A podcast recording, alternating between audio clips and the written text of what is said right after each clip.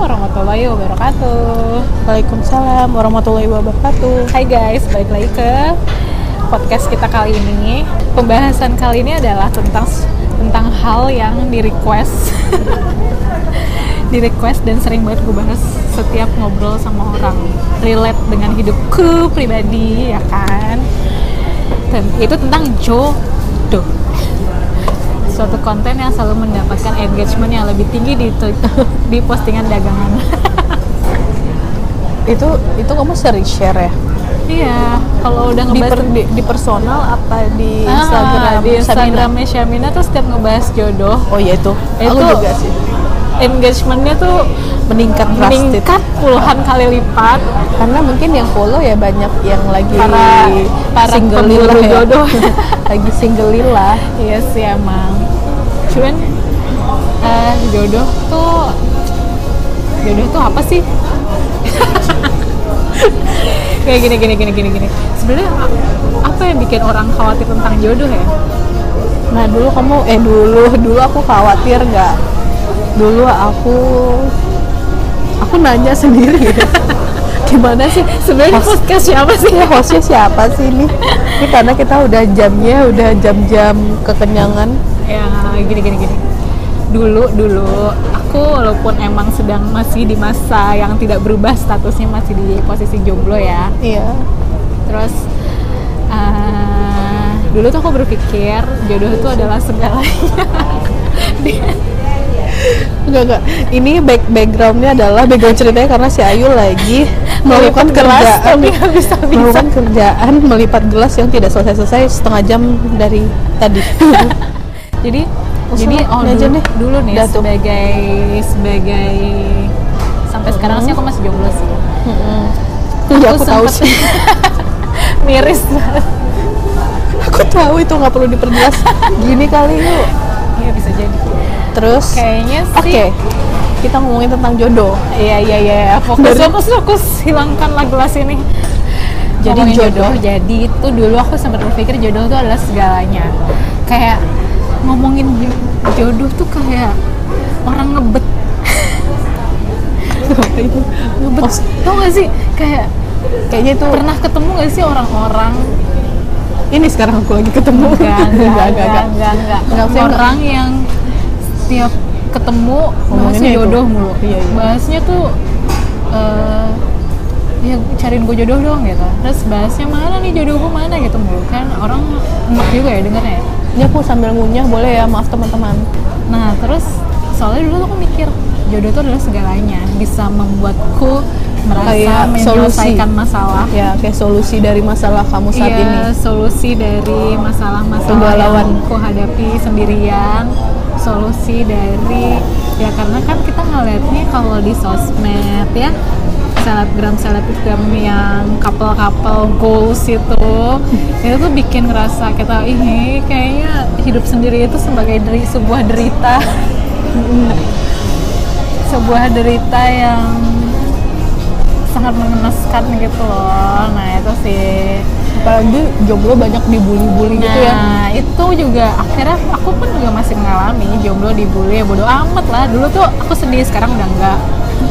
Terus apalagi kalau di usia-usia aku ini kan temen makin lama makin banyak yang udah nikah ya. Makin banyak yang udah punya anak. Anak gak cuma satu, anak dua gitu-gitu loh. Kayak gitu loh.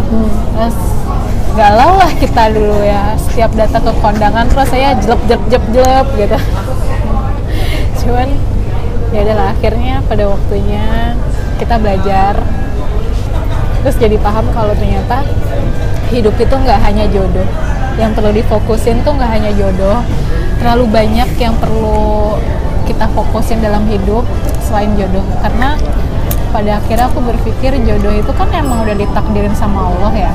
Di level mahfuz sudah dituliskan. Jauh sebelum kita lahir ya kan.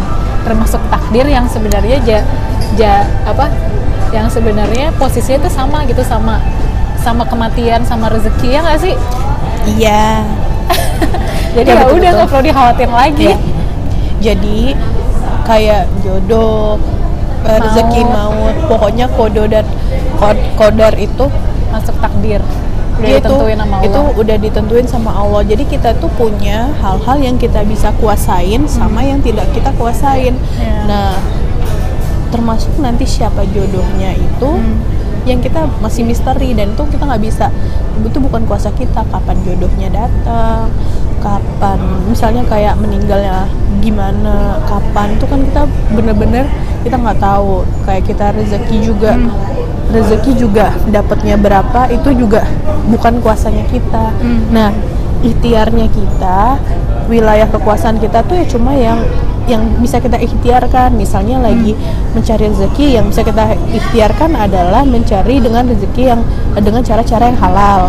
Kalau lagi lagi single mau nunggu jodoh gitu kan mau menanti jodoh ya berarti kita lakukan dengan cara-cara yang halal. Misalnya contohnya. menu- menunggunya dengan ya sibukkan diri dengan banyak hal produktif lainnya. Nggak cuma galau doang menatap masa depan yang tidak kita juga- mencari ya, lelaki atau Ah, wanita ah. yang nggak gini gini gini gini. Karena uh, kita aku kita. Itu aja kali. Sudah menikah ya.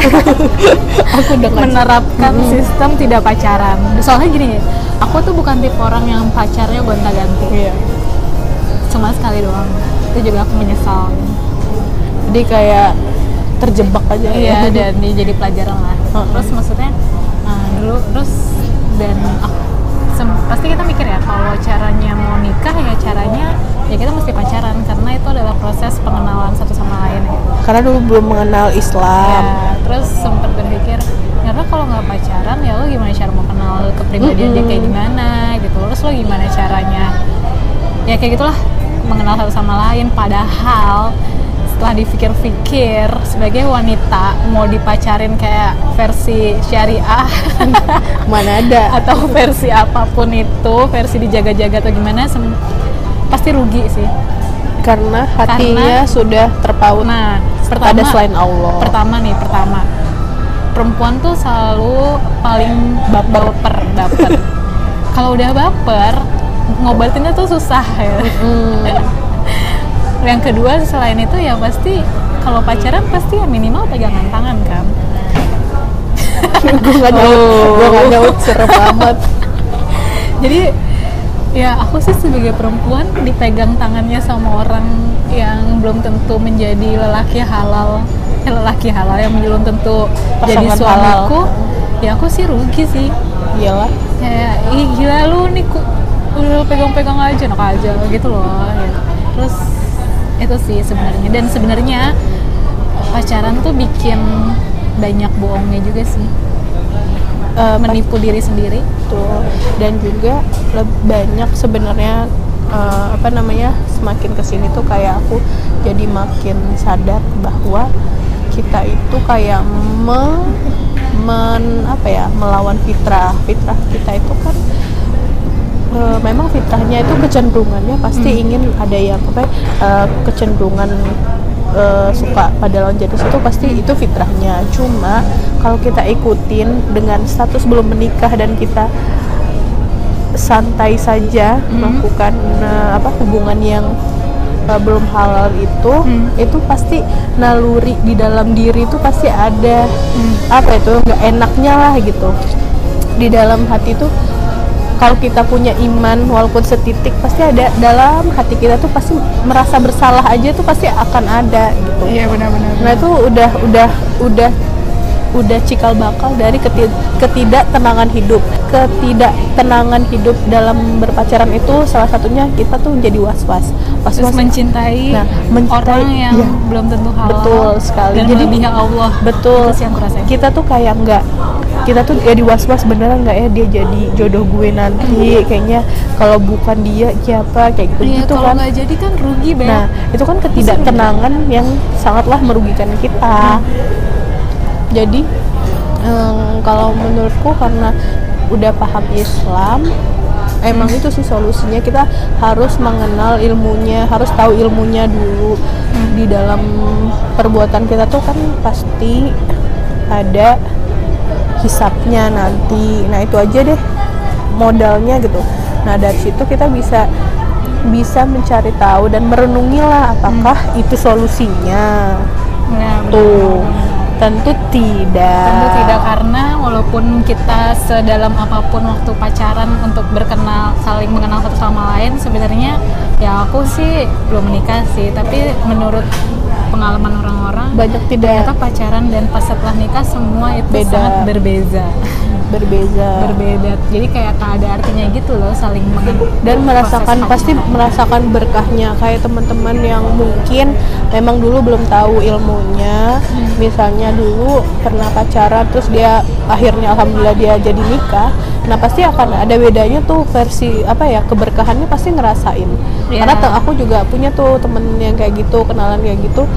Dia dulu eh, ya memang karena belum mengenal atau belajar Islam ya jadinya lu pernah pacaran terus ya udah jadinya Hmm. nikah tapi berkah rasanya tuh emang beda yang namanya halal sama yang belum halal tuh pasti beda banget Nah, karena itu. mungkin yang bikin nggak berkah atau berkah tuh sebenarnya ilmunya sih din karena gini ketika kita mau nikah oh lebih tenang ya ah iya ketika kita menikah dengan cara ta'aruf kita tuh kan pasti paham ya paham ilmunya ilmunya kenapa kita taruh betul. terus kenapa tujuan nikah tuh apa terus visi misinya tuh apa terus Iya. setelah menikah tuh at least kita udah punya ilmu gitu gimana cara menjadi istri yang baik ibu yang baik dan menjadi mantu yang baik Ihi. nah kalau pacaran itu lebih ke nafsu doang sih. Nafsu pertama ya lo kan buru-buru nikah. Kedua karena usia udah segini gue wajib nikah gitu. Kayak goalsnya tuh sependek itu ya nggak sih? Ya mohon maaf Jadinya- nih buat yang pacaran cuman aku berpikirnya seperti itu. Jadi makanya timbullah ketidakberkahan itu. Jadi otomatis kan ilmu ilmu minim.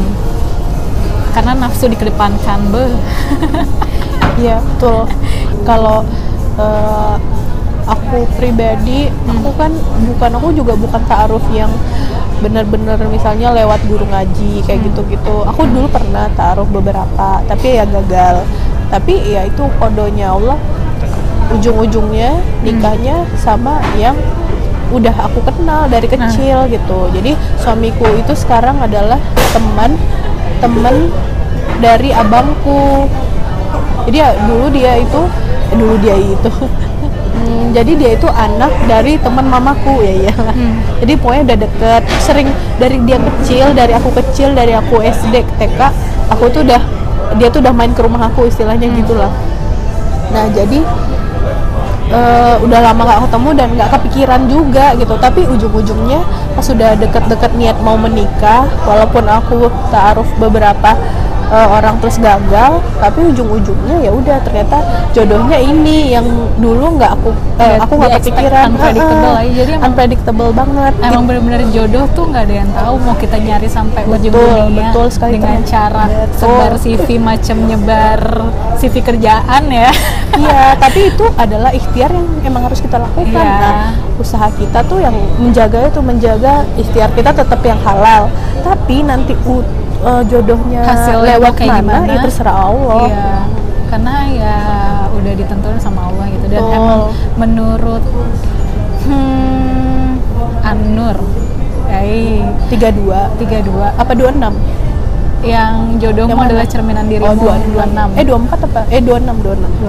26 jodohmu adalah cerminan dirimu jadi kalau ketika kita pengen dapet jodoh yang baik ya perbaikin diri sendiri sih ya dimulai dari perbaikin diri sendiri mindset sendiri terus perbaiki visi dan misi gitu. Nah jadi karena karena karena karena, nih karena nih di usia segini nih usia yang menjadi misteri ini belum sampai 30 sih sebenarnya.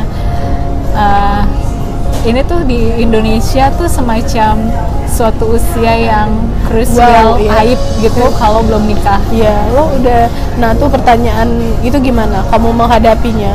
Kapan nikah? jawaban jawaban dari dulu sampai sekarang sih konsisten insya Allah Iya. doakan dan carikan Terus paket ya. Lo nanya-nanya cariin Karena- dong. iya karena kalau udah nanya ya kenapa nggak nyariin sekalian gitu kayak ya terus anda mau biayain hidup nikah saya? Betul-betul. terus nggak nggak karena alasan kenapa tadinya tuh aku juga sempat mikir sih kenapa sih gue belum nikah sedangkan yang lain udah. Terus kenapa sih yang lain tuh kayak gampang banget untuk dapetin jodoh sekali proses taaruf udah ada yang baru ada yang baru gitu terus akhirnya jadi. Sedangkan aku ya begini-gini aja gitu ya kan. Kok sedih banget tapi ternyata di di masa-masa ini justru Allah bikin aku jadi banyak belajar sih kayak misalnya nih contoh nih datang kajian kan kalau di tempat kan banyak kajian pagi Iya.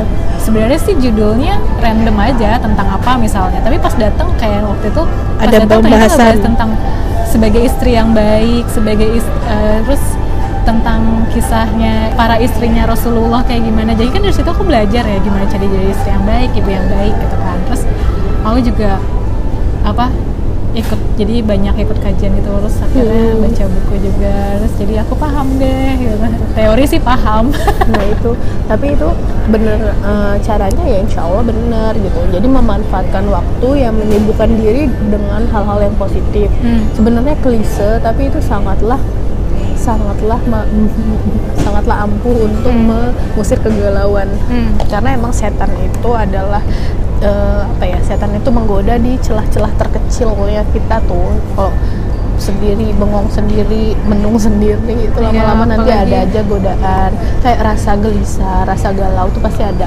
nah Iya. menyibukkan diri sama hal-hal yang positif mengkaji Islam kan ya itu solusi utama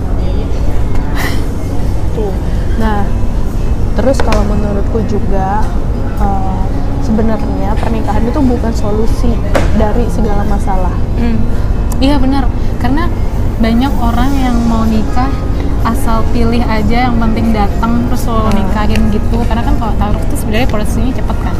ya Cuman karena usia, ini pengalaman dari orang-orang ya. Hmm. Karena usia, karena tidak mampu menahan keinginan.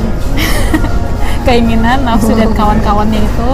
Dan cuman karena ya terpengaruh sama sosial media mungkin gitu loh yang couple goals couple goals gitu. Jadi kalau terus kaget pas udah nikah. Betul.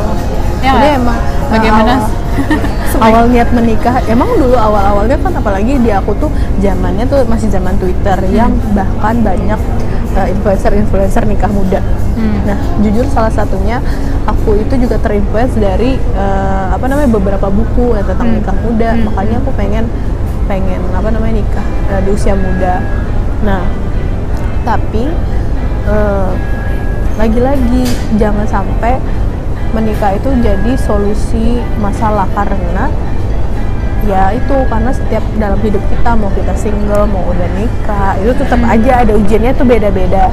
Nah kalau menikah itu apalagi dua orang yang baru ketemu dan Iya. tidak pernah bersatu tidak pernah satu rumah jadi punya visi misi yang Betul. berbeda mindset berbeda perspektif pikiran yang beda. Nah didikan orang tuanya beda. Hmm, nah habit itu tuh beda sangatlah susah untuk Hmm. menyatukannya. Jadi di mana kita tuh kembali pokoknya sering-sering mengembalikan niat menikah. Kalau Hmm. buat niat menikahnya buat ibadah, terima apa pun. jadi bisa menyelesaikan Uh-uh, masalahnya plus paham minusnya, plus minusnya pasangan kita tuh harus diterima. Hmm. Orang tuh gampang nih menerima yang yang bagus-bagusnya sifat itu, tapi nggak nggak gampang orang mau nerima minus-minusnya kan nikah tuh kayak gitu. Nah, apalagi jangan sampai kita tuh pengen merubah orang. Ya, dulu aku bisa. sempat kayak misalnya berpikir, oh mungkin nanti setelah nikah Hmm. bisa berubah. Hmm, hmm. Nah, tapi percayalah karena yang bisa merubah eh, diri seseorang itu ya cuma Allah, cuma Iya, Allah yang kasih petunjuk. Jadi kita jangan kita jangan sok lah sok sok bisa ngerubah orang. Hello gitu kan. Anda siapa? Tiba-tiba datang ke hidup Rasulullah- saya.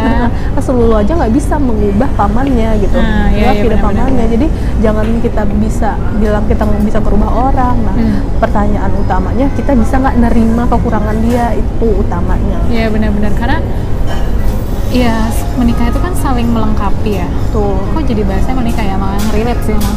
Ya kan jodoh sih, Iya, benar. Pas ujungnya menikah ya. dia Karena jodoh. menikah itu saling melengkapi kekurangan dan kelebihan masing-masing. Bukannya menuntut untuk menjadi apa yang kita inginin. Betul. Jadi jangan sampai kita itu nikah mau ngerubah orang itu nggak tidak bisa. akan Iya, aku bisa. juga nggak mau dirubah-rubah enak Nah, itu aja. dia. Kalau mau sama-sama belajar, Nah. tapi jangan sampai kita mau ngerubah orang. Jadi ya udah ajak-ajak ajak belajar bareng-bareng. Iya atau sama gini sih sebenarnya hmm, oh eh, kemarin tuh sempat ada yang nanya why kenapa lo belum nikah selain sebenarnya eh, sampai beberapa detik eh sampai nggak nggak sampai hari ini sih aku alhamdulillah aku udah mendapatkan jawaban. Sebelumnya itu aku selalu bertanya-tanya ya juga ya kenapa gue belum nikah selain karena emang takdir? Gitu. Karena aku udah memperbaiki diri. Aku udah ikhtiar yang lain lah pokoknya melakukan hal-hal ikhtiar gitu. Tapi emang belum dapat terus pada akhirnya ternyata emang Allah suruh-suruh belajar dulu. Terus jadinya aku juga jadi belajar salah satunya kayak gini loh. Eh, ketika kita menikah itu kan otomatis kita membangun keluarga baru ya Di situ nanti insya Allah kita dikasih keturunan sama Allah terus punya keluarga baru juga gitu kan. Di situ aku kayak mikir ketika kita nikah yaitu sama dengan anda bertanda tangan kontrak sama Allah Betul. tentang membangun peradaban. Berat nggak sih? Kayak karena apalagi kalau udah punya anak. Iya membangun Ada yang harus dididik. Mendidik anak untuk menjadi yang lebih baik sesuai aturan agama gitu. Terus yang bermanfaat untuk agama gitu. Karena kan itu berat cuy. Itu berat loh berat banget. Jadi ya udah waktunya itu waktunya ya dimanfaatkan untuk banyak banyak belajar. Misalnya kayak aku aja. Misalnya walaupun aku udah nikah dan dan eh, memang belum dikaruniai anak nah itu Hmm. beda lagi kan. Kayak teman-teman yang udah dikaruniai anak justru dia wah gue udah punya anak nih gue baru belajar din gitu. Hmm. lo ya lo masih dikasih waktu nih dan bisa belajar. Jadi kayak kita manfaatkan. Misalnya kayak Ayu belum belum menikah ya udah berarti Ayu masih ada waktu belajar untuk eh, gimana pernikahan apa namanya ilmu-ilmu pernikahan. Ya. Nah, kalau aku mungkin belajar tentang selain ilmu pernikahan itu juga harus terus belajar. Terus belajar misalnya ngumpulin ilmu juga nanti ngedidik anak itu gimana. Ya terus karena itu susah terus gimana cara menjadi istri yang baik jadi pasangan yang baik karena kan ya nggak tahu sih jadi istri susah susah nggak sih? Jadi kalau misalnya kalau di aku kita tuh memang harus fokus sama apa yang kita kuasain. Hmm. nah kalau misalnya eh, an- apa rumah tangga itu suami istri istri itu fokuslah sama kewajiban dia dan haknya suami. Hmm. nah jangan sampai kita malah fokus kewajiban eh, suami kebalik gitu nggak sih? dan kayak iya, kebalik kewajibannya gitu? iya jadinya tadi ujung-ujungnya kita kita salah jadinya nggak ngambil porsi malah ngambil porsi suami gitu Betul. misalnya Jadinya kita jadinya menghakimi, menghakimi Nah. suami, menghakimi pasangan. Kita jadinya jadi gampang- pemimpin di keluarga kebalik kan jadinya Betul. Jadi kayak kita gampang untuk kecewa jadinya. Nah. Nah, kalau kita fokus untuk eh, dari haknya suami sama kewajiban kita, ya udah itu kan hal yang kita kuasai dan udah kita lakuin aja itu gitu. Nah itu kan ya dipersimpel aja. nah ya benar-benar jangan eh, ambil pusing. Nah, kalau misalnya ada sesuatu yang memang tidak sesuai dengan syariat, misalnya yang terjadi dalam rumah tangga, ya itu harus diobrolin dengan baik-baik. Yang namanya nggak sesuai dalam syariat itu kan eh, pasti nanti berujungnya dosa. iya Misalnya ada sesuatu lah, misalnya dalam rumah tangga kan orang banyak ya rata-rata eh, apa namanya cerita-cerita dalam rumah tangga misalnya nggak sesuai terus misalnya terjadi apa yang tidak di Iya, kan- seharusnya, Ya, kan? Nah, Karena- itu harus dikembaliin lagi sama eh, apa tadi porsi kita yang kita udah tahu Islam, udah belajar ngaji, kita gimana cara ngobrolinnya dan minta petunjuk sama Allah. Gitu. Kalau misalnya eh, apa namanya tuh kalau kita cuma berharap ilmu dunia dan egois-egois doang susah sih. Memang harus tujuan utamanya tuh Allah. Kalau beda tujuan beda visi ya udah gitu. jadi kalau kata, kata orang pernikahan itu cinta segitiga cinta Uh. segitiganya tuh sama Allah iya benar-benar kan aku ingat banget sih hadis Rasulullah tuh bilang nah andaikan di dunia ini ada yang bisa disembah, sembahlah suamimu selain Allah. Mm-mm. Kalau andaikan ada yang bisa disembah selain Allah, sembahlah suamimu ya nggak? Iya, Benar nggak? Benar nggak? benar. Benar nggak? nah berarti kan se sepenting itu. Nah, jadi gini, jadi itu banyak nih uh, isu-isu yang terjadi lah Hmm. pada saat ini. Kayak ini kita agak bahas agak-agak gimana ya? Agak-agak bahas politik kayak RUU PKS itu. Ya, itu kan banyak kontroversial. Di aku aku tidak aku tidak tahu ilmu secara uh, menyeluruh. Cuma aku akan mengambil kesimpulan bahwa memang kita sebagai pribadi itu sebagai muslim itu ya memang harus tahu porsi masing-masing tadi Iya. kan ada ya orang yang eh, ada nih orang eh, apa namanya orang-orang yang nggak setuju tuh yang terlalu menyembah atau bukan menyembah yang kayak hadis tadi aja gitu kan itu ada tuh bagian eh, apa saudara-saudara kita lainnya tidak setuju karena mungkin dia bertemu Tidak bertemu lelaki yang merdeka. tidak eh, dia, dia bertemu lelaki yang eh, saya mengecewakan Hmm. misalnya kayak gitu misalnya pokoknya melakukan tindakan-tindakan yang tidak disukai Allah Hmm. nah itu kan eh, jadi apa ya jadi suatu eh, pembedanya maksudku pembeda itu orang-orang yang memang nggak sesuai sama Islam atau syariat Islam itu tuh pasti akan mengantarkan kita sama yang nggak benar gitu. Dan bisa- pasti akan melakukan hal-hal yang nggak benar. Nah makanya balik lagi kita jangan menjudge yang kayak menjudge yang kayak jangan terlalu apa ya bahasa melayani suami aja tuh juga ada loh yuk yang nggak suka. Kan misalnya nih Iya. hubungan hubungan suami istri itu kan saling gitu kan. Iya iya iya kadang ada juga orang yang nggak nggak setuju sama melayani suami Iya. Kenapa ya? Ya kan lo perlu dilayanin juga Iya, iya. itu kan itu sebenarnya benar karena kan Rasulullah aja eh, Rasulullah aja sebelum menggauli istrinya ada tahapan-tahapannya dulu ada sunah-sunahnya dulu itu kan benar cuma memang yang yang orang soroti itu adalah keja- kejadian-kejadian di eh, masyarakat Hmm. yang memang tidak sesuai dengan Islam gitu misalnya suaminya melakukan hal-hal yang bisa kekerasan itu Hmm. kan nggak sesuai sama Islam Hmm. ya itu memang udah udah fix salah dan nggak mungkin nggak mungkin apa ya nggak mungkin dibenerin ya nggak mungkin dia nggak nggak mungkin dibenerin dan yang udah salah dan gitu. jadi jangan karena banyak yang mengantarkan orang banyak kecewa sama manusia Hmm. tapi hukum hadis Allahnya nih eh, hadis Rasulullahnya nih yang disalahin Iya, benar. ayat Allahnya tuh yang nggak diiyain Iya. ayat Allah sama hadis Rasulullah tuh udah pasti fix benar tapi manusianya karena Iya. manusianya nggak lurus taat sama syariat ya udah berarti nggak nggak nggak bisa kita contoh gitu Iya benar-benar karena juga yang dimaksud hadis Rasulullah untuk mematuhi Taat, suami itu kan ya kalau di, di kebaikan mm-mm. kan menuju kebaikan. Kalau seandainya memang syariat, suaminya zolim justru di Al-Quran Allah sarankan bercerai dibolehkan bercerai dibanding berzina. Ya nggak sih?